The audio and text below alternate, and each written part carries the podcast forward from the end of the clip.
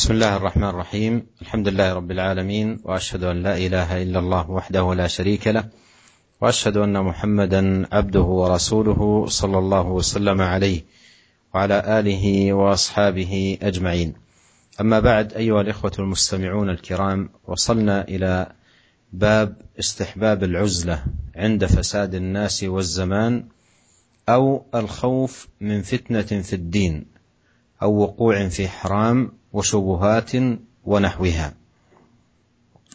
هذه الترجمة عقدها الإمام النووي رحمه الله تعالى لبيان أهمية العزلة في مثل هذه الحال عند فساد الناس والزمان أو خوف الإنسان من الفتنة في دينه أو خوفه أن يقع في الحرام. فإذا كان الحال بهذه الصفة يخشى على نفسه أن يفتن في دينه أو أن يستجر للوقوع في أمور محرمة تسخط الله سبحانه وتعالى فإنه يتجنب الناس ومخالطتهم ما استطاع. وذلك بأن يكون محافظا على الجماعة في بيوت الله سبحانه وتعالى ومعتنيا بأعماله ومصالحه لكنه لا يخالط الناس تجنبا للوقوع في هذا الفساد الذي هم فيه أو أو أو تجنبا للوقوع في الحرام الذي تلطخوا فيه. فيكون هذا من باب سد الذرائع وصيانة النفس وحمايتها من مثل هذه الأمور. لا شك أن المؤمن الذي يخالط الناس ويصبر على أذاهم وينصح لهم ويوجههم إلى الخير لا شك أن ذلك أكمل.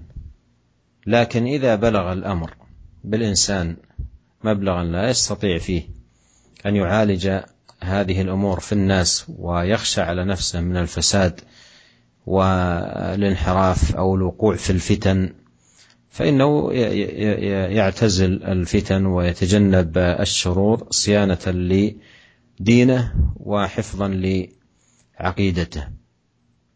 وأول ما بدأ به رحمه الله في هذه الترجمة قول الله سبحانه وتعالى ففروا إلى الله إني لكم منه نذير مبين وهذه آية عظيمة جامعة في وجوب الفرار إلى الله سبحانه وتعالى وتجمع هذه الآية بعمومها هذه المعاني التي أشار إليها المصنف رحمه الله تعالى وذلك بأن يفر الإنسان بدينه صيانة له وسلامة له وحفظا له من الخوارم والنواقض التي تبطله أو تهدمه أو تنقصه. ففروا إلى الله إني لكم منه نذير مبين والفرار إلى الله سبحانه وتعالى باتباع الوحي المبين والنذارة التي جاءت في هدي نبينا الكريم صلوات الله وسلامه وبركاته عليه Bismillahirrahmanirrahim. Alhamdulillah segala puji dan syukur kita panjatkan kehadirat Allah Subhanahu wa taala. Salawat dan salam semoga senantiasa tercurahkan kepada suri teladan kita, junjungan kita Nabi Muhammad sallallahu alaihi wasallam, keluarganya dan juga seluruh sahabat beliau tanpa terkecuali. Para pendengar dan para pemirsa yang dirahmati oleh Allah Subhanahu wa taala. Kita telah sampai pada bab yang baru yaitu bab ke-69, bab tentang disunahkan untuk menjauhkan diri dari masyarakat atau menyepi ya tatkala terjadi kerusakan di masyarakat atau zaman sudah terjadi kerusakan atau karena khawatir ya agamanya terkena fitnah atau karena khawatir terjerumus dalam perkara-perkara yang haram atau perkara-perkara yang syubhat dan yang semisalnya. Para pemirsa yang dirahmati oleh Allah Subhanahu wa taala, bab ini dibuat oleh Al-Imam Nawawi rahimahullah untuk menjelaskan tentang pentingnya uzlah. Uzlah yaitu menjauhkan menjauhkan diri dari bercampur dengan masyarakat, menjauhkan diri untuk tidak bergaul dengan masyarakat. Ya, kapan tatkala kondisi sudah seperti kondisi yang disebutkan oleh Al-Imam Nawawi rahimahullah, yaitu kapan disunahkan untuk beruzlah, menyepi tatkala masyarakat sudah rusak, terjerumus dalam berbagai macam uh, kemaksiatan dan kerusakan. Demikian juga zaman sudah terwujud apa banyak kerusakan terjadi zaman zaman tersebut. Atau dia khawatir orang ini khawatir terjerumus ya dengan suatu perkara yang bisa merusak agamanya. Agamanya terkena fitnah atau khawatir terjerumus dalam hal-hal yang haram dan perkara-perkara yang syubhat dan yang semisalnya. Jika kondisi sudah sebagaimana yang disebutkan oleh Al-Imam Nawawi rahimahullah, ya, maka disunahkan bagi seorang untuk menjauhkan dirinya dari masyarakat, tidak bergaul dengan mereka, namun tentunya dengan tetap menjaga kewajiban-kewajiban yang diwajibkan kepadanya seperti tetap sholat berjamaah di masjid-masjid Allah Subhanahu wa taala. Demikian juga tetap melaksanakan hal-hal yang mendatangkan kemaslahatannya. Ya. Akan tapi dia tidak bergaul dengan masyarakat. Kenapa? Karena menjaga dirinya agar tidak terjerumus dalam hal-hal yang diharamkan. Ya, hal-hal yang haram yang sedang dilakukan oleh masyarakat. Atau hal-hal yang haram yang sedang ya bercampur dengan masyarakat. Dan ini termasuk dari bab satu zari'ah. Itu menutup pintu-pintu ya agar tidak mengantarkan seorang ke dalam keharaman. Sehingga dia pun menjauh dari mereka dan tidak bergaul dengan mereka. Tentunya tidak diragukan para pemirsa yang dirahmati oleh Allah Subhanahu wa taala bahwasanya seseorang yang dia bergaul dengan masyarakat ya meskipun masyarakat dalam keadaan rusak dalam keadaan terjerumus dalam kemaksiatan kemudian dia bersabar dengan gangguan mereka kemudian dia berusaha mendakwahi mereka memberi pengarahan kepada mereka orang seperti ini lebih afdol lebih utama daripada yang menjauh akan tetapi jika kondisinya sudah sampai pada kondisi yang sangat berbahaya di mana dia tidak mampu untuk menasihati masyarakat dan dia mengkhawatirkan dirinya justru terbawa ke dalam kemaksiatan tersebut, ya.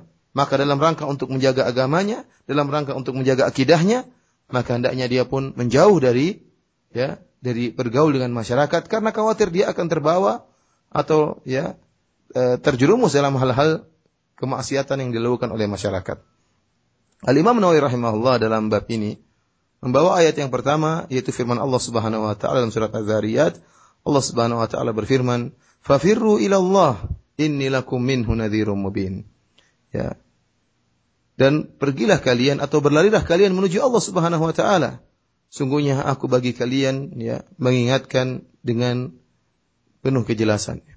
Di sini Allah Subhanahu wa taala berfirman, "Fafirru ila Allah", berlarilah kalian menuju Allah. Kembalilah kalian kepada Allah Subhanahu wa taala.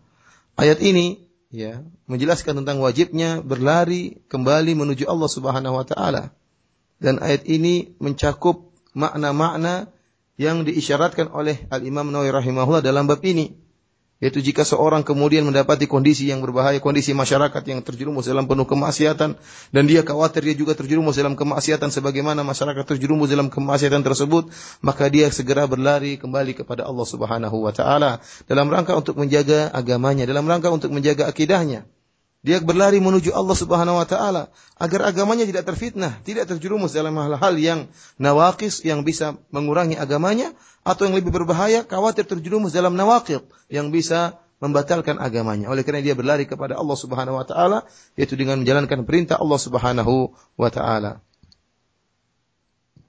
ثم أورد المصنف رحمه الله تعالى حديث سعد بن أبي وقاص رضي الله عنه قال سمعت رسول الله صلى الله عليه وسلم يقول إن الله يحب العبد التقي الغني الخفي.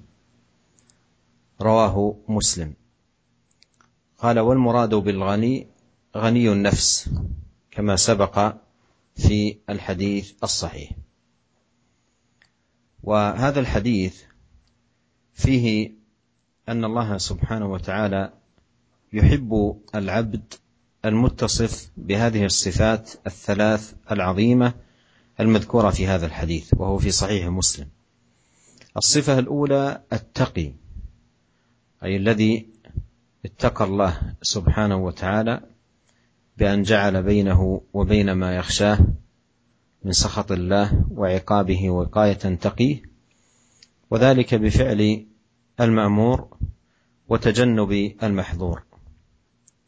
والصفة الثانية الغني وشرحها المصنف رحمه الله تعالى بأن المراد بالغني أي غنى النفس كما سبق بذلكم الحديث عن رسول الله صلوات الله وسلامه عليه وأن الغنى ليس بكثرة العرض أي الأموال والتجارات وإنما الغنى غنى النفس.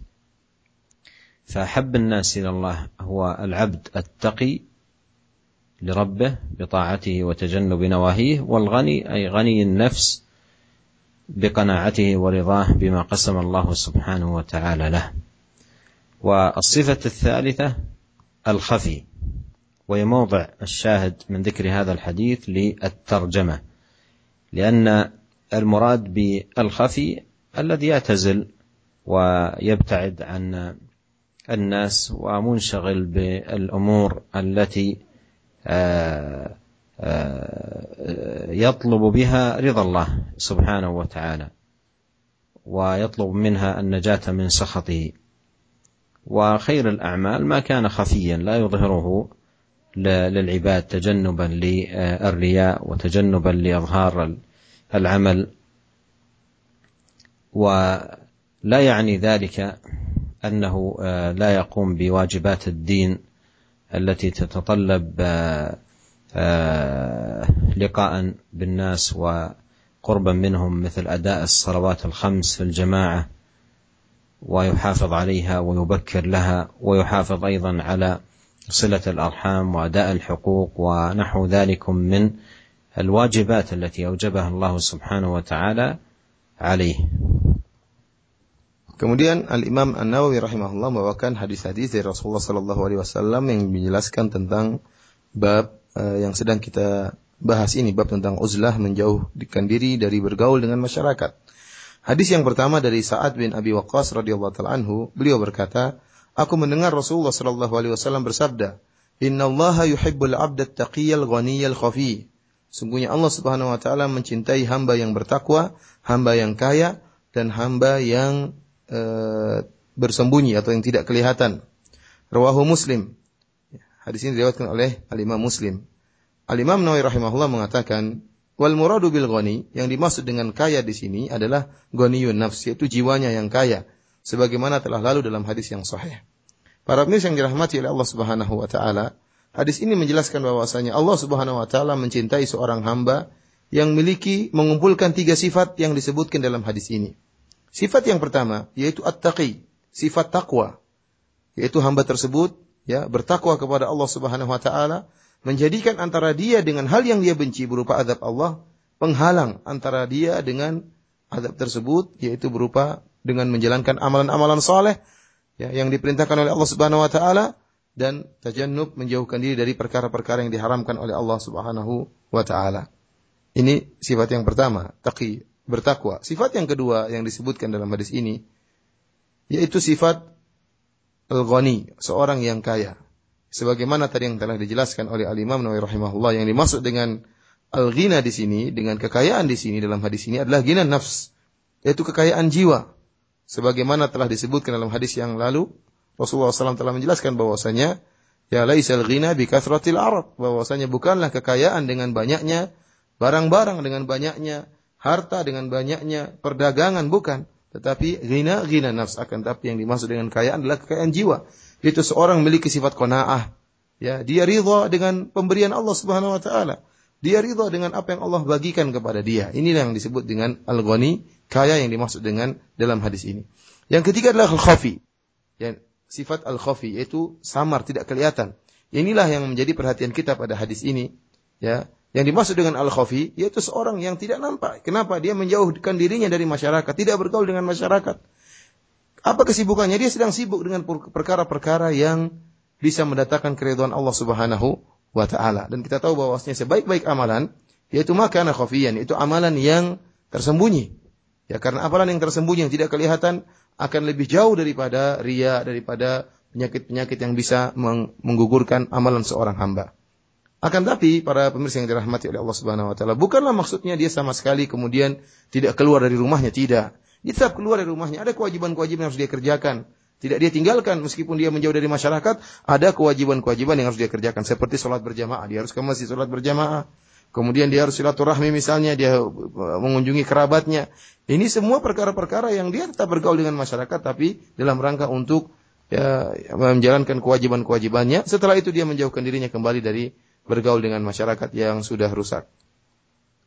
وفيما يتعلق بأيضا الخفي يراد بذلك أنه ليس يحب لنفسه أو يريد الظهور والشهرة والصيت والسمعة ونحو ذلك وإنما هو خفي بأعماله ويتجنب في أعماله مراءة الناس والتسميع بأعماله ونحو ذلك فيتجنب ذلك مع اجتهاده أيضا في الوقت نفسه على القيام بواجبات الدين وفرائض الإسلام والتي جملة منها تتطلب خلطة بالناس.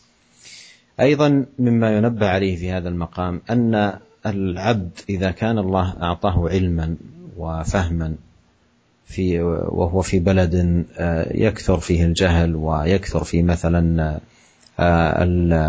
المخالفات والمعاصي والبدع ونحو ذلك فإن ليس من معنى الخفي أن ينعزل هذا الذي آتاه الله العلم وينقطع عن الناس فلا يفيدهم بالعلم الذي آتاه الله إياه وهم بحاجة إلى علمه ونصحه. ويقول أريد أن أكون خفيا. فمثل هذا لا لا يقال ان ان ان إنه إن عمله هذا هو من المقاصد في الحديث أن الله يحب من كان خفيا، الله يحب من كان ناصحا لعباده وداعيا إلى الحق والهدى ومعلما للخير صابرا على معالجة أخطاء الناس ودعوتهم إلى الحق ونصحهم وبيان الهدى لهم فهذا أمر عظيم يحبه الله. سبحانه وتعالى. ومثل هذا ينبغي عليه أن يحرص على أن يبرز للناس في خطبة الجمعة وفي المواعظ وفي التدريس ونحو ذلك إذا كان على حظ ونصيب من العلم يؤهله للقيام بهذه المهمة.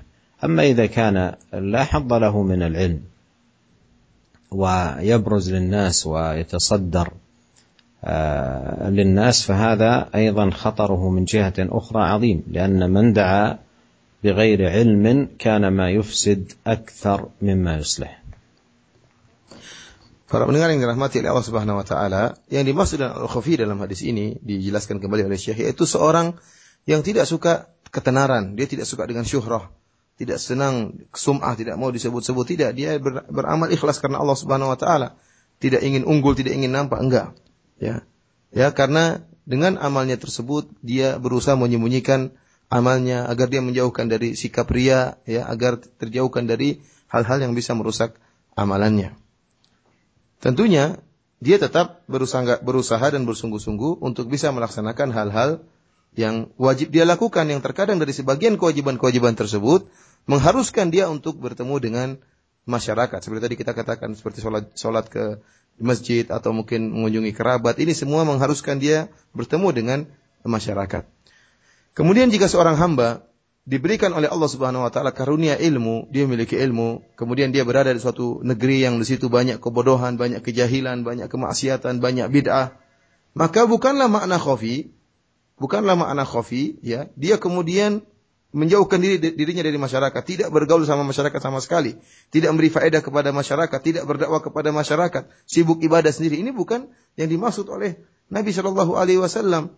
Ya, maka tidak dikatakan dia maksud dalam hadis yang dimaksud oleh Nabi Shallallahu Alaihi Wasallam dalam hadis ini. Kenapa? Karena Allah Subhanahu Wa Taala mencintai seorang hambanya yang dia memberi nasihat kepada saudara-saudaranya ya, mengajarkan ilmu kepada saudara-saudaranya, mengajarkan kebaikan kepada saudara-saudaranya, bersabar dalam mendakwahi mereka, bersabar dalam menasihati mereka. Inilah orang yang dicintai oleh Allah Subhanahu wa taala. Oleh karenanya orang yang memiliki ilmu hendaknya dia nampak nampak diketahui oleh masyarakat agar dia bisa memberi faedah kepada mereka.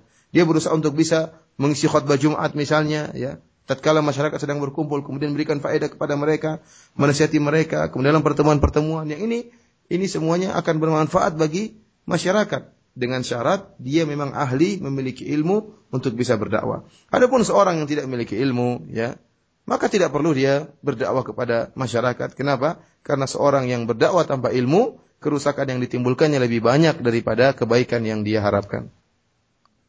ثم أورد رحمه الله تعالى حديث أبي سعيد الخدري رضي الله عنه قال رجل أي الناس أفضل يا رسول الله قال مؤمن مجاهد بنفسه وماله في سبيل الله. قال ثم من؟ قال ثم رجل معتزل في شعب من الشعاب يعبد ربه. وفي رواية يتقي الله ويدع الناس من شره. متفق عليه. وهذا الحديث فيه أن رجلا سأل النبي عليه الصلاة والسلام أي الناس أفضل؟ وهذا السؤال كثيرا ما يتكرر أي الناس خير أي الناس أفضل؟ والنبي عليه الصلاة والسلام يجيب في كل مقام بما يناسب الحال والحاجة في ذلك المقام. فقال عليه الصلاة والسلام مؤمن مجاهد بنفسه وماله في سبيل الله. أي من كان بهذه الصفة همه نصرة دينه والجهاد في سبيل الله بنفسه وماله. قال الرجل ثم من؟ قال ثم رجل معتزل في شعب من الشعاب يعبد ربه. قال وفي رواية يتقي الله ويدع الناس من شره. وقوله الشعب من الشعاب المراد بالشعب الطرق التي تكون في الجبال ومن فرج بين الجبلين ومسيل الماء كل ذلك يقال له شعب. والمراد بذلك الاعتزال الاعتزال عند وقوع الفتن. حتى يسلم من أذى الناس له ويسلم أيضا من أن يؤذيهم. لكن شرط هذا الاعتزال الصحيح المقبول ما جاء مقيدا به في هذا الحديث. قال يعبد ربه. وفي رواية يتقي الله ويدع الناس من شره. فإذا كان اعتزاله على هذه الصفة في العبادة وتقوى الله وتجنب ما يسخط الله تبارك وتعالى وصيانة لنفسه فإن هذا يحمد له. أما إذا كان على صفة أخرى ينطوي على شر أو أو أعمال دنيئة أو تصرفات مشينة أو نحو ذلك فإن ذلك أمر قبيح مذموم. يجب أن يحذر منه ومن فتنة الشيطان له. والشاهد ما في الحديث من ذكر للعزلة لكن هذه العزلة إنما تكون إذا فسد الزمان وفسد الناس وخشي العبد على نفسه من أن يفتن في دينه أو خشي على نفسه من الدخول في الحرام والولوغ في الآثام فإنه يكون كذلك Kemudian Al Imam Nawawi rahimahullah membawakan hadis berikutnya dari Abu Sa'id Al Khudri radhiyallahu taala anhu bahwasanya seorang ada yang bertanya kepada Nabi sallallahu alaihi wasallam. Dia bertanya, Ayun nasi afdalu ya Rasulullah? Manusia manakah yang paling afdal wahai Rasulullah? Maka Rasulullah SAW mengatakan, Mu'minun mujahidun binafsihi wa malihi fi sabilillah. Seorang mukmin yang dia berjihad di jalan Allah dengan dirinya dan juga dengan hartanya. Kemudian lelaki ini bertanya lagi, "Tsumma man?" Kemudian siapa lagi yang lebih afdal ya Rasulullah? Kata Rasulullah SAW, "Tsumma rajulun mu'tazilun fi sya'bin min asy-sya'ab ya'budu rabbahu." Kemudian adalah seorang yang dia menjauhkan dirinya dari masyarakat, dia berada di sya'ab. Sya'ab adalah salah satu jalan yang di antara gunung-gunung atau ada pecahan yang bisa digunakan jalan di antara gunung-gunung ya atau di biasanya ada air yang air yang mengalir di di jalan tersebut di antara gunung-gunung ini namanya syi'ab. Itu seorang yang dia menyepikan dirinya dan kemudian berada di syi'ab yaitu di jalan di antara gunung-gunung kemudian dia beribadah kepada Rabbnya. Dalam riwayat yang lain kata Nabi sallallahu alaihi wasallam yattaqillaha wa yad'un nasa min syarrihi. Itu seorang yang berada di pegunungan kemudian dia bertakwa kepada Allah dan dia meninggalkan manusia ya karena takut ya keburukan ya terkena ter, menimpanya. Para mirsa yang dirahmati oleh Allah Subhanahu wa taala, ya dalam hadis ini disebutkan tentang seorang yang bertanya kepada Nabi Shallallahu alaihi wasallam, "Manakah manusia yang paling afdal?" Ya, dan pertanyaan seperti ini sering muncul dan sering ditanyakan kepada Nabi Shallallahu alaihi wasallam. ayun nas khair, siapa orang terbaik, siapa orang paling afdal dan semisal pertanyaan ini. Ya. Dan Nabi Shallallahu Alaihi Wasallam tatkala menjawab pertanyaan ini, beliau menjawab sesuai dengan kondisi orang yang bertanya. Ya. Bagaimana kondisi orang tersebut, bagaimana situasi, ya kondisi yang ada, sehingga jawaban beliau terkadang berbeda-beda. Dalam satu hadis, orang yang paling mulia seperti ini, dalam hadis yang lain seperti ini. Ya. Dalam hadis yang sedang kita bahas sekarang ini, Rasulullah SAW menjelaskan bahwasanya orang yang paling afdal adalah mukminun mujahidun bi nafsi wa mali fi sabilillah. Seorang mukmin yang dia berjihad dengan dirinya dan hartanya di jalan Allah Subhanahu wa taala. Kemudian siapa setelah itu? Summaman. Kemudian siapa setelah itu? Kata Rasulullah SAW. Summa rajulun mu'tazilun fi sya'bin minasyi'ab ya'budu rabbah. Yaitu seorang yang dia menjauhkan dirinya. Dia i'tizal. Menjauhkan dirinya dari masyarakat. Ya. Kemudian dia pergi ke gunung. Kemudian dia beribadah kepada Allah Subhanahu wa ta'ala. Dia beribadah kepada Allah Subhanahu wa ta'ala. Ya. Agar dia selamat dari gangguan manusia. Agar dia selamat dari kemaksiatan yang sering dilakukan oleh masyarakat. Maka dia pun menjauhkan dirinya dan beribadah kepada Allah Subhanahu wa taala. Perhatikan syarat yang dipasangkan oleh Nabi sallallahu alaihi wasallam. Kata Nabi sallallahu alaihi wasallam, dia beriktizal, dia menyepi, menjauhkan dirinya tapi buat apa? Ya budu rabbah dalam rangka untuk beribadah kepada Allah Subhanahu wa taala. Ya. Yattaqillah, dia bertakwa kepada Allah Subhanahu wa taala riwayat yang lain. Ini syarat bahwasanya iktizal tersebut, uzlah tersebut ya diridhai oleh Allah Subhanahu wa taala. Adapun kalau seorang menyepi dan menjauhkan dirinya dari masyarakat, akan Nabi bukan dalam rangka beribadah kepada Allah Subhanahu wa taala, maka dalam rangka untuk melakukan hal yang dilarang oleh Allah Subhanahu wa taala. Karena ingat, terkadang seorang menyepi, justru di situ setan semakin menggodanya. Dia terjerumus dalam perangkap setan. Dia menjauh dari masyarakat dalam rangka bermaksiat kepada Allah Subhanahu wa taala. Maka ini adalah uzlah yang tercela, yang tidak benar. Ya, karena eh, justru ini yang diperingatkan oleh syariat agar dijauhi. Para pemirsa yang dirahmati oleh Allah Subhanahu wa taala, kita kembali lagi bahwasanya uzlah atau menjauhkan diri atau menyepi diri tidak bergaul dengan masyarakat yang dicintai oleh Allah Subhanahu wa taala yaitu tatkala terjadi kerusakan pada manusia, tatkala zaman penuh dengan kerusak, kerusakan, tatkala seorang khawatir terjerumus dalam hal-hal yang diharamkan oleh Allah Subhanahu wa taala, tatkala seorang khawatir terjerumus dalam syubhat-syubhat, tatkala itulah uzlah dianjurkan. ثم أورد حديث أبي سعيد الخدري رضي الله عنه قال قال رسول الله صلى الله عليه وسلم يوشك أن يكون خير مال المسلم غنم يتبع بها شغف الجبال ومواقع القطر يفر بدينه من الفتن. وشغف الجبال هو أعلاها ومواقع القطر هو مواضع التي فيها العشب والتي ينزل فيها المطر. فالشاهد ان النبي عليه الصلاة والسلام قال محذرا يوشك أن يقرب أن يكون هذا الأمر. خير مال الإنسان غنم. يتبع بها شعث الجبال أي أعالي الجبال ومواقع المطر. والقصد هو الاعتزال من خلطاء السوء والبعد عنهم والفرار بالدين. صيانة له وحفظا له.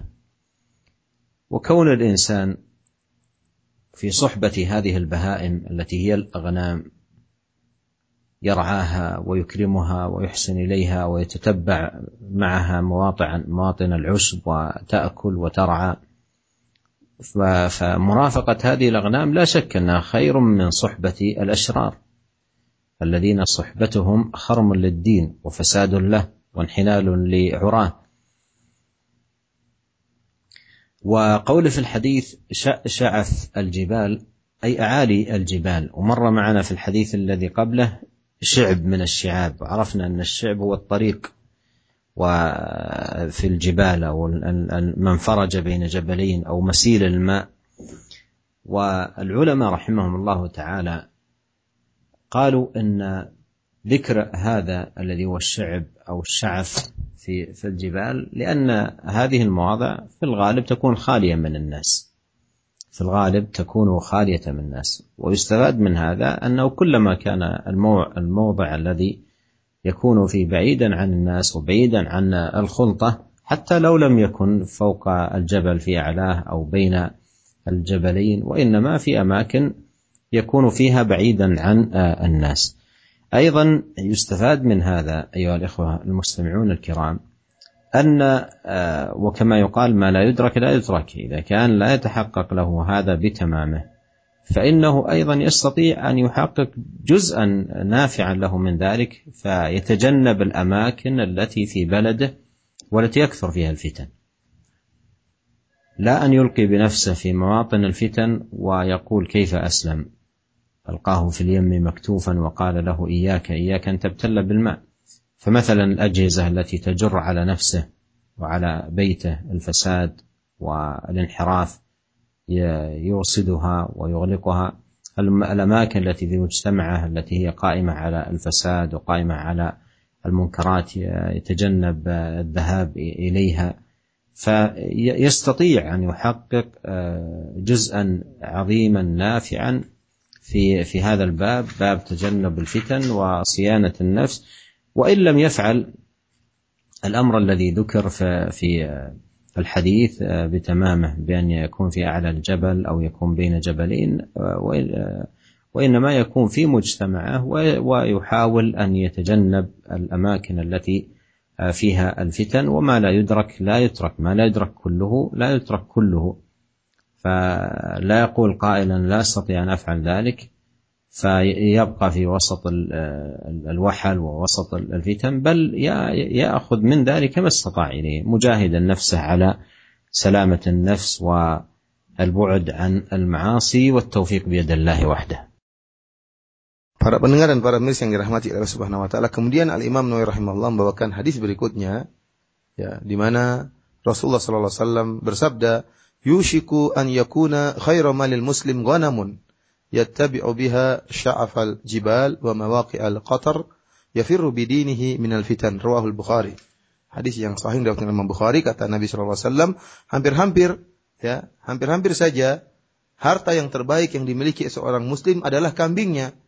Yang dia bawa kambingnya dia ikuti kambingnya di eh, puncak-puncak gunung di daerah-daerah tinggi yang ada di gunung atau dia bawa kambingnya ke mawaki, mawaki al-qatar yaitu tempat-tempat turunnya hujan yang di situ banyak rerumputan, banyak tanaman untuk dimakan oleh kambing-kambing tersebut.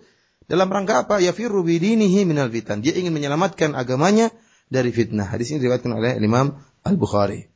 Para pemirsa yang dirahmati Allah Subhanahu wa taala, perhatikan dalam hadis ini Nabi Shallallahu alaihi wasallam tatkala menyampaikan hadis ini dalam rangka untuk memperingatkan kita. Memperingatkan bahwasanya bisa jadi sudah dekat masanya bisa jadi sudah tiba masanya, sudah dekat, hampir datang masanya. Masa apa? Di mana seorang harta yang terbaik yang dimiliki seorang hamba adalah kambingnya. Ya. Kambingnya yang kemudian dia bawa ke Sya'af al-Jibal yaitu Sya'af al-Jibal adalah daerah-daerah yang tinggi daerah-daerah ketinggian di gunung dan Mawaqi al-Qatar yaitu tempat turunnya hujan yang di mana tempat tersebut kemudian tumbuh tanaman-tanaman, tumbuh rumput-rumputan ya dalam rangka dia ingin dia pergi ke tempat-tempat tersebut dalam rangka untuk menyelamatkan agamanya dari tertimpa fitnah. Yang dimaksud dalam hadis ini, para pemirsa yang dirahmati Allah Subhanahu wa taala, seorang tatkala dia uzlah, tatkala dia menyepi, menjauhkan dirinya, dalam rangka untuk menjauhkan dirinya dari bergaul dengan orang-orang yang memiliki keburukan. Ya, dari teman-teman yang mendatangkan kemaksiatan, teman-teman yang mendatangkan ya ya keburukan, dia menjauhi menjauh diri dari mereka. Karena setelah seorang berada di puncak gunung atau berada di daerah yang tinggi atau kemudian berada di uh, mengikuti kambingnya ya, dia bawa kambingnya ke tempat-tempat rumputan yang bisa dimakan oleh kambing-kambingnya tersebut, maka dia bergaul dengan hewan-hewan ini dengan kambingnya. Ini lebih baik daripada dia bergaul dengan orang-orang manusia tetapi membawa kerusakan, membawa keburukan. Ya. Dan tidak diragukan lagi tatkala dia bergaul dengan kambingnya, dia bawa ke tempat yang jauh, kemudian dia bawa kambingnya ke tempat rumputan, maka dia telah berbuat baik kepada binatang-binatang ternak tersebut. Ya, dan ini lebih baik daripada bergaul dengan manusia yang mendatangkan kemudaratan kepada dia. Inilah yang kenapa disebutkan dalam hadis ini kenapa e, harta yang terbaik adalah kambing yang dia bawa ke tempat-tempat yang jauh kemudian dibawa ke tempat yang ada rumputan. Para mirsa yang dirahmati Allah Subhanahu wa taala, perhatikan dalam hadis yang lalu Rasulullah SAW menyebutkan tentang syi'ab. Dan kita tahu syi'ab adalah jalan yang ada di antara dua gunung atau misalnya ada gunung kemudian tiba-tiba ada celah yang ada di gunung tersebut yang namanya juga syi'ab atau di antara gunung ada da, da, dataran yang landai yang di situ dilalui oleh air dilewati oleh air ini disebut dengan syi'ab kemudian dalam hadis ini Rasulullah SAW mengatakan sya'af sya'aful jibal yaitu daerah-daerah yang tinggi di di pegunungan Apa maksud dari kedua tempat ini? Maksudnya menjauh, ya. Karena pada dasarnya tempat-tempat seperti ini di puncak gunung atau kemudian di lereng-lereng ada di gunung atau jalan-jalan yang ada di antara dua gunung, ini tempat-tempat yang sepi tidak ada orang di situ. Ya. Oleh karenanya para ulama mengatakan bahwasanya seluruh makanan yang sepi dari manusia, yang jauh dari manusia bisa digunakan untuk uzlah, bisa digunakan untuk seorang menyepi meskipun tidak mesti harus di atas gunung. Mungkin kalau sekarang cari gunung susah. Ya, tidak mesti di atas gunung seorang tatkala menyepi, tatkala menjauhkan dirinya dari masyarakat agar tidak terjerumus dalam kemaksiatan yang mereka lakukan.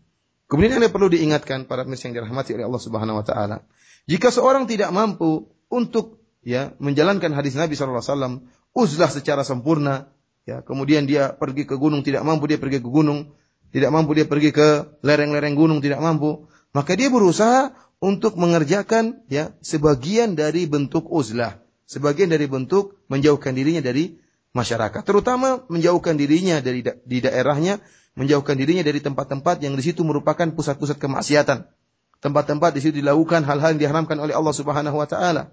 Jangan kemudian dia menyerumuskan dirinya dalam hal-hal yang diharamkan oleh Allah, dia pergi ke tempat-tempat maksiat atau dia membawa alat-alat ya komputer dan yang lain yang berisi kemaksiatan kemudian dia mengatakan saya tidak mampu menghindar. Ini kesalahan.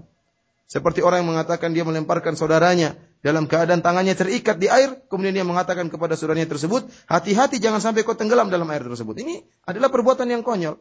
Ya, kalau ingin menyelamatkan saudaranya, buka ikatan tangannya agar dia bisa selamat.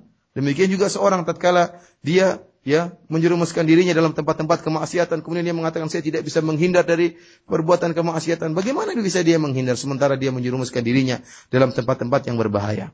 Oleh karenanya, Syekh mengingatkan bahwasanya jika seorang tidak mampu untuk beruzlah, menyipi secara sempurna, maka dia bisa melakukan bagian yang besar dari bentuk uzlah dengan menjauhi tempat-tempat yang bisa menjerumuskan dia ke dalam kemaksiatan, menjauhi hal-hal yang bisa mengantarkan dia kepada kemaksiatan. Dan kemudian dia berusaha ya melakukan hal yang hal untuk beribadah kepada Allah Subhanahu wa taala dengan bersungguh-sungguh. ومما ينبه عليه في هذا المقام أنه ليس من العزلة الشرعية الانقطاع عن أو البعد عن الجمع والجماعات وشهودها في مساجد المسلمين. وليس من العزلة الشرعية الانقطاع عن مجالس العلم التي يبين فيها الحلال والحرام وتوضح فيها الأحكام وتبين فيها سنة النبي الكريم عليه الصلاة والسلام. ليس أيضا من العزلة الشرعية ترك ما صلة ما أمر الله به أن يوصل من القرابة وذوي الأرحام. فهذا كله ليس من العزلة الشرعية في شيء. كذلك ليس من العزلة الشرعية أن أن ينطوي الإنسان في بيته مع الأجهزة الحديثة فيكون في في جسمه معتزل مخالطة الناس ولكن في قلبه مع هذه الأجهزة تستهلك من وقته جزءا كبيرا وربما استجلبت له من سموم البشر وفساد ما عندهم من خلال هذه المجالات. التي تكون مهلكة للإنسان مضرة بدينه غاية الضرر. فكل هذا يجب أن يحذر منه لأن الشيطان ربما كان له مدخل على الإنسان من هذا الباب. فربما يقرأ بعض هذه الحديث ويريد أن يطبق العزلة فيدخل في مجال من مجالات الانحراف التي يتوهم أنه يطبق العزلة وهو يمارس شيئا من الانحراف والعياذ بالله. Perlu diingatkan bahwasanya ada perkara-perkara yang bukan termasuk uzlah yang syariah, tidak dianjurkan dan bukan merupakan bentuk menjauhkan diri yang disyariatkan dalam Islam. Seperti bukanlah termasuk dari uzlah yang syariah seorang kemudian menjauhkan dirinya sehingga tidak melaksanakan sholat Jumat atau tidak melaksanakan sholat jamaah ya di masjid-masjid yang ada. Ini bukan eh, uzlah yang benar. Demikian juga bukan uzlah yang benar seorang meninggalkan majelis ilmu ya meninggalkan pengajian-pengajian. Dia ingin menyepi, dia tidak mau mengaji sama sekali. Tidak benar. Bukankah dalam pengajian tersebut dijelaskan tentang hukum-hukum Allah Subhanahu wa taala dan dijelaskan tentang sunnah-sunnah Nabi Shallallahu alaihi wasallam? Orang yang meninggalkan pengajian bukanlah orang yang sedang uzlah yang benar. Dan juga bukan merupakan uzlah yang benar yang syar'i Ya tatkala seorang kemudian menyepi sehingga tidak menyambung silaturahmi, tidak menyambung silaturahmi, tidak mengunjungi kerabatnya, tidak mengunjungi saudaranya. Ini tidak benar. Ini semuanya bukan uzlah yang syar'i. Demikian juga bukan termasuk uzlah yang syar'i. Seorang kemudian pergi ke rumahnya, dia dia menyepi di rumahnya, kemudian dia membawa peralatan-peralatan ya komputer, laptop dan yang lainnya. Kemudian dia tidak mau bergaul dengan manusia tapi dia bergaul dengan ya laptop dan semacamnya hal tersebut. Dia habiskan waktunya banyak dengan membaca berita-berita yang ada dalam komputer tersebut. Kemudian bisa jadi dia terkena racun dari racun-racun manusia yang terdapat dalam ya komputer tersebut ya sehingga akhirnya menghancurkan agamanya. Ini bukan uzlah yang benar seperti ini. Tidak bergaul dengan masyarakat, tapi bergaul dengan komputernya dan dia kemudian masuk di dunia komputer, dunia internet dan akhirnya terjerumus dalam hal-hal yang diharamkan oleh Allah Subhanahu wa taala. Kenapa? Karena bisa jadi setan memiliki ya madkhal. Setan punya ya cara untuk menipu manusia. Tatkala seorang membaca hadis tentang uzlah, dia ingin mempraktekkan hadis tersebut. Saya ingin menjauh, saya ingin menjauh. Ternyata dia tidak tahu bagaimana uzlah yang benar Bukan dia mempraktekkan uzlah yang benar, maka dia terjerumus dalam inhiraf, dalam ya kesalahan dan dalam penyimpangan. Ini hati-hati. ثم أورد رحمه الله حديث أبي هريرة رضي الله عنه عن النبي صلى الله عليه وسلم قال ما بعث الله نبيا إلا رعى الغنم فقال أصحابه وأنت قال نعم كنت أرعاها على قراريط لأهل مكة رواه البخاري وقول على قراريط على شيء من المال آه، كان يأخذه عليه الصلاة والسلام مقابل آه، رعية لتلك آه، الأغنام. وهذا ينبه فيه المصنف أن رعي الأغنام مهنة نافعة جدا ومفيدة ويترتب عليها فوائد عظيمة. وهي من الأعمال المباحة والمكاسب الطيبة التي تعود على العبد بالمنفعة خاصة وأنها يترتب فيها يترتب عليها من الفوائد الشيء الكثير. ولهذا ذكر العلماء فوائد عديدة في رعي الأغنام لأن الأغنام تعرف بالسكينة والهدوء والطمأنينة. آه، فهذا هذه الصحبة تكسب الإنسان آه، هدوءا وسكونا وطمأنينة. أيضا ما في رعاية الأغنام من آه، إكساب للمرء على حسن التعامل والرفق والهدوء مع الدربة والتمرن على ذلك. فالشاهد أن رعي الغنم فيه فوائد عظيمة جدا ومكاسب عديدة وفيها بركة كما جاء ذلكم عن النبي الكريم صلوات الله وسلامه وبركاته عليه. وانظر رعاك الله قول نبينا عليه الصلاة والسلام ما بعث الله نبيا إلا رعى الغنم. ما بعث الله نبيا إلا رعى الغنم. قالوا له وأنت؟ قال وأنا. فالشاهد أن هذا العمل آه، بعد أن ذكر رحمه الله في الحديث السابق آه، آه، خير مال المسلم غنم حتى لا يستهين المرء بهذا العمل ذكر هذا الحديث رحمه الله ليبين من خلاله أن هذا العمل عمل عظيم ونافع ومفيد جدا وما من نبي بعثه الله إلا ورعى الغنم. Para pendengar dan para pemirsa yang dirahmati oleh Allah Subhanahu wa taala, kemudian uh, Imam Nawawi rahimahullah membawakan hadis dari Abu Hurairah radhiyallahu taala anhu dari Nabi sallallahu alaihi wasallam bahwasanya Nabi sallallahu alaihi wasallam pernah bersabda, "Ma ba'athallahu nabiyyan illa ra'al ghanam." Tidaklah Nabi Allah Subhanahu wa taala mengutus seorang nabi pun kecuali nabi tersebut pernah menggembala kambing. Maka para sahabat bertanya kepada Rasulullah, "Wa anta, engkau juga wahai Rasulullah, pernah menggembala kambing?" Kata Nabi sallallahu alaihi wasallam, "Na'am, kuntu ar'aha ala qarari li ahli Makkah."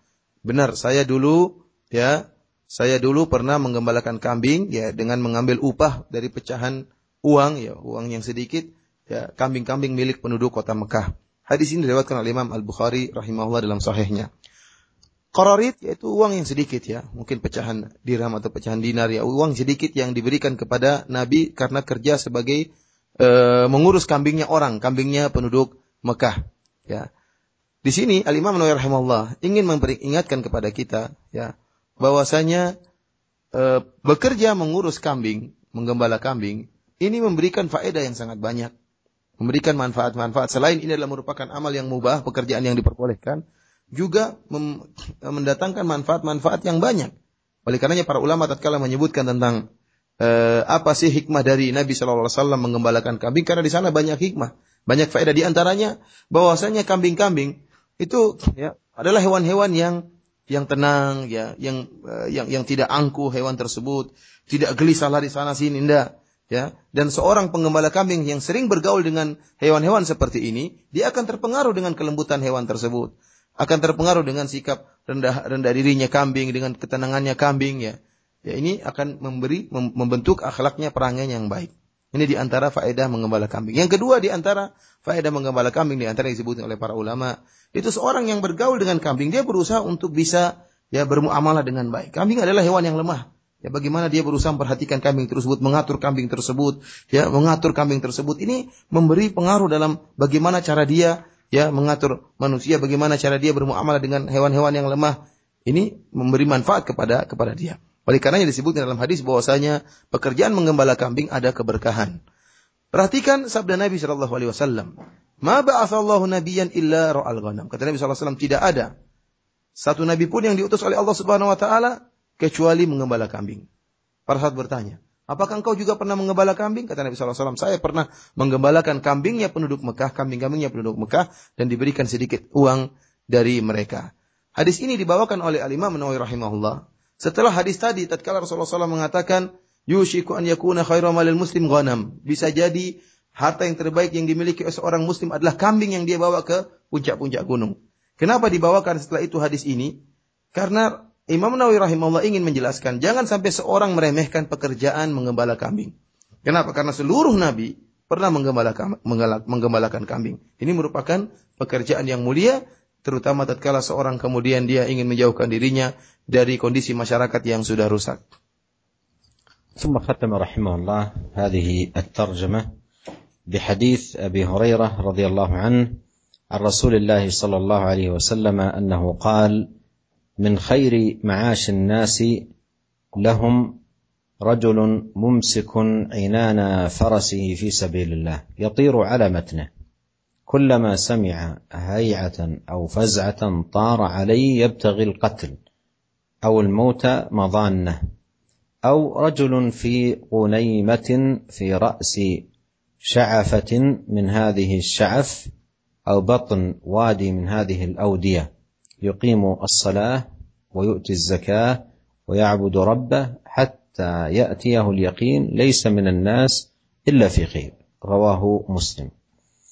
قال قوله يطير أي يسرع ومتنه ظهره والهيعة الصوت للحرب والفزعة نحوه ومظان الشيء المواضع التي ظن وجوده فيها والغنيمة بضم الغين تصغير الغنم والشعفة بفتح الشين والعين هي أعلى الجبل. وهذا الحديث أيها الإخوة المستمعون هو نظير حديث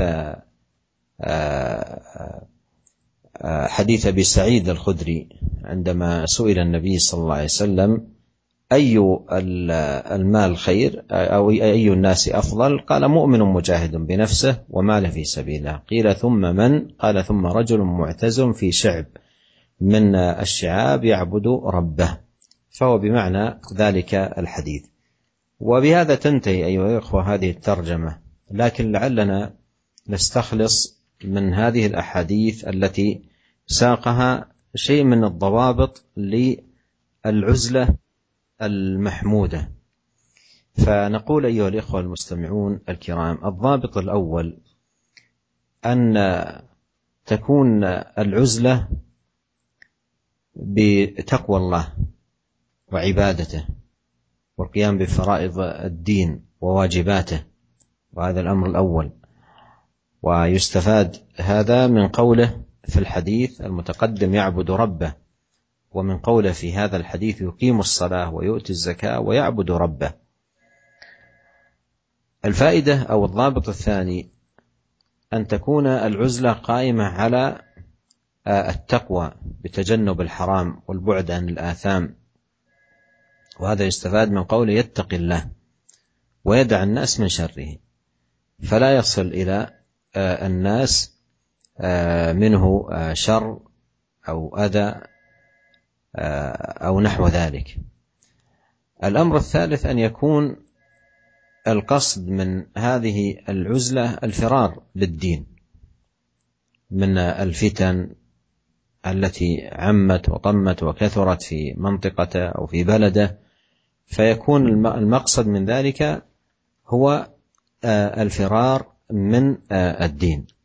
الفرار بالدين من الفتن التي يخشى على الإنسان أن تهلكه الأمر الرابع في ما يتعلق بهذه الضوابط. أن يكون أنه أنه لا يلزم أن يكون في موضع معين. لا يلزم أن يكون في موضع معين مثل ما جاء التنصيص عليه في بعض الأحاديث في شعب من الشعاب. لا يلزم من ذلك. ولهذا نلاحظ في الحديث الأخير جاء على التخيير قال في شعف في شعفة من هذه الشعف أو بطن وادي من هذه الأودية. والشعف هو أعلى الجبل والوادي هو أسفل ما يكون فيه. فلا يلزم أن يكون في مكان معين. المقصد أن يكون بعيد عن مواضع الفتن بعيدا عن مواضع الفتن والشرور. ونسأل الله عز وجل لنا أجمعين الحفظ والتوفيق والعون على رضاه وأن يجنبنا والمسلمين الفتن ما ظهر منها وما بطن. إنه سميع الدعاء وهو أهل الرجاء وهو حسبنا ونعم الوكيل. Para yang dirahmati Allah Subhanahu wa taala, kemudian uh, Al-Imam Nawawi rahimahullah membawakan hadis terakhir ya yang juga dibawakan dari Abu Hurairah radhiyallahu taala anhu.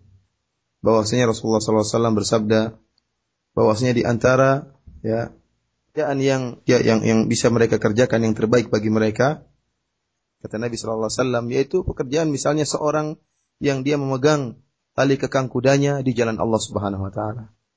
Ya. Ini di antara pekerjaan yang terbaik kata Nabi SAW yaitu seorang yang dia memegang tali kudanya di jalan Allah Subhanahu wa taala. Kemudian dia yatiru alamat matnihi yaitu dia segera cepat di atas un, apa di atas uh, tunggangan kuda tersebut.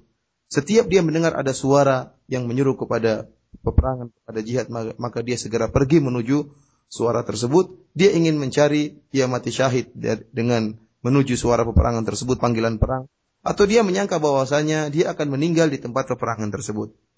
Atau seorang yang dia memiliki ya eh, kambing-kambing kecil berada di atas puncak gunung. Ya. Atau seorang yang dia kemudian berada ya di di lembah-lembah, kemudian dia menegakkan salat atau dia membayar zakat, kemudian dia beribadah kepada Robnya sampai datang kematian baginya. Dan manusia uh, tidaklah manusia kecuali dalam kebaikan. Para mirsa yang dirahmati oleh Allah Subhanahu wa taala, hadis ini ya sama dengan hadis yang sebelumnya telah kita bahas tatkala seorang bertanya kepada Nabi sallallahu alaihi wasallam, "Ayun nasi afdal?" Siapakah manusia yang terbaik? Sama hadis ini juga Rasulullah SAW menjelaskan tentang manusia-manusia mana, kegiatan-kegiatan mana yang terbaik, pekerjaan mana yang terbaik. Ya, tatkala dalam hadis disebutkan bahwasanya yang terbaik adalah yang berjihad dengan hartanya dan jiwanya di jalan Allah Subhanahu wa taala, kemudian seorang yang dia ya beruzlah di uh, pegunungan dalam rangka beribadah kepada Allah Subhanahu wa taala. Demikian juga hadis ini. Rasulullah SAW menjelaskan tentang pekerjaan yang baik seperti seorang yang berjihad di jalan Allah atau seorang yang kemudian yang mengurus kambing-kambing kecilnya di puncak-puncak gunung atau seorang yang dia berada di lembah-lembah dalam rangka menegakkan salat kemudian bayar zakat kemudian beribadah kepada Robnya. Sama makna dengan hadis yang tadi telah kita sebutkan. Dengan demikian, maka kita telah sampai pada hadis yang terakhir. Sebelum kita tutup pengajian kita pada kesempatan kali ini, yaitu kita menyebutkan tentang doabit, kaedah-kaedah yang berkaitan dengan uzlah yang dianjurkan. Apa saja kaedah-kaedah yang berkaitan dengan uzlah yang dianjurkan? Yang pertama, para pemirsa yang dirahmati oleh Allah Subhanahu wa taala, uzlah adalah dengan bertakwa kepada Allah Subhanahu wa taala. Tujuan dari uzlah yaitu seorang untuk bertakwa kepada Allah dan untuk beribadah kepada Allah dan menjalankan hal-hal yang diwajibkan oleh Allah kepadanya. Dan ini kita bisa ambil dari faedah dari beberapa hadis di antaranya Rasulullah Shallallahu alaihi wasallam mengatakan ya ya seorang mu'tazilun fi syi'bin minasyi'ab ya'budu rabbah. Dia menjauhkan dirinya di daerah pegunungan dalam rangka ya'budu rabbah, dalam rangka untuk beribadah kepada Allah Subhanahu wa taala. Demikian juga dalam hadis ini.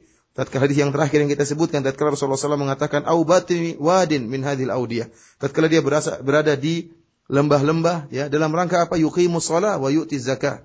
Dalam rangka untuk menegakkan salat dan bayar zakat wa ya'budu rabbah dan dia beribadah kepada Rabbnya. Ini yang pertama. Seorang uzlah dalam rangka beribadah kepada Allah.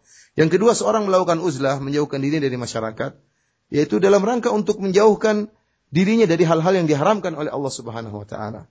Ya karena Rasulullah SAW dalam hadis yang lain mengatakan dalam riwayat yang lain, "Yattaqillah wa yada'un nasa min syarrihi." Ya. Dia menjauhkan dirinya eh, dia bertakwa kepada Allah Subhanahu wa taala dan dia meninggalkan masyarakat agar tidak ya tidak terkena keburukan. Ini menunjukkan bahwasanya seorang di antara tujuan dia uzlah yaitu dia menjauhkan dirinya dari hal-hal yang bisa yang bisa menjerumuskan dia dalam keharaman. Dia bertakwa kepada Allah Subhanahu wa taala. Kemudian perkara yang ketiga, tujuan dari uzlah yaitu al-firar bid-din minal fitan, yaitu seorang menyelamatkan agamanya agar tidak terjerumus dalam fitnah, agar tidak terjerumus dalam hal-hal yang bisa dia mengurangi agamanya atau bisa menghancurkan agamanya. Ini tujuan utama dia untuk beruzlah. Dan yang keempat di antara hal yang merupakan tujuan dari uzlah itu bahwasanya atau kaidah yang berkaitan dengan uzlah, bahwasanya tidak lazim seorang tatkala uzlah dia harus pergi ke tempat-tempat yang disebutkan oleh Nabi Shallallahu Alaihi Wasallam.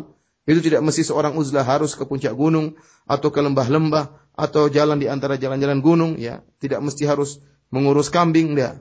Tetapi Rasulullah SAW tatkala menyebutkan tempat-tempat tersebut, tujuannya adalah tempat-tempat yang jauh dari masyarakat. Oleh karena kalau kita perhatikan dalam hadis dalam hadis yang terakhir ini Rasulullah SAW mengatakan, ya ada pilihan.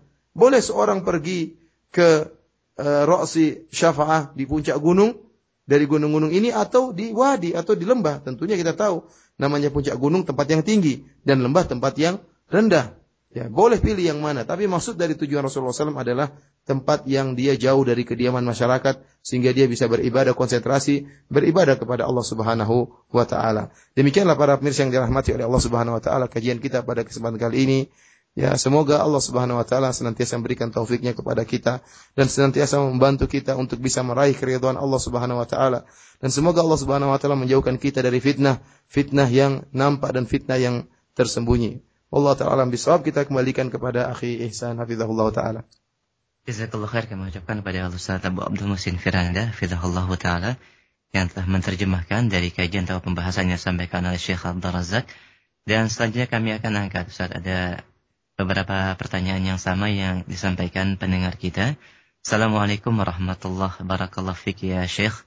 Bagaimanakah sikap seorang muslim ketika menghadapi dalam sebuah komunitas di mana di tempat tersebut begitu banyak uh, ahlu sunnah atau mereka yang berpegang teguh kepada sunnah. Kemudian kami ngaji dan mengkaji Islam di sana. Tapi ketika kami kembali ke tempat kediaman kami, uh, banyak tantangan dan fitnah dalam dakwah atau dalam permasalahan muamalah. Dan untuk hijrah atau pergi ke tempat yang komunitasnya sunnah, kami mengalami kesulitan dari berbagai sisi seperti faktor keuangan dan lain sebagainya. Bagaimanakah kiatnya untuk tetap menjaga keistiqamahan di tempat kami yang jauh dari sunnah? Mohon uh, nasihatnya. Jazakallah khair. النصيحة مر معنا في هذه الترجمة ما ينبغي على الإنسان. فإذا كنت حصلت علما في صحبتك في تلك الرحلة وطلبك للعلم واستفدت من الناس فكونك آه، تخالط الناس لتفيدهم وتعلمهم وتوجههم وتناصحهم بالتي أحسن وتتقي ما عندهم من آه، شر وبدع وضلالات فلا شك أن هذا أنفع. اما إذا آه، كان تخشى على نفسك أنت من أنك تتحول إلى البدع أو إلى المعاصي أو ففي مثل هذه تقلل من الخلطة بحسب ما يكون به حفظك لدينك. ونسأل الله عز وجل آه، لنا آه، أجمعين التوفيق والعون على كل خير. وأن يصلح لنا شأننا كله إنه سميع مجيب وأن يحفظنا والمسلمين وأن يجنبنا وإياهم الفتن ما ظهر منها وما بطن إنه سميع سميع قريب مجيب. وصلى الله وسلم على عبده ورسوله نبينا محمد وعلى آله وصحبه أجمعين. والسلام عليكم ورحمة الله وبركاته.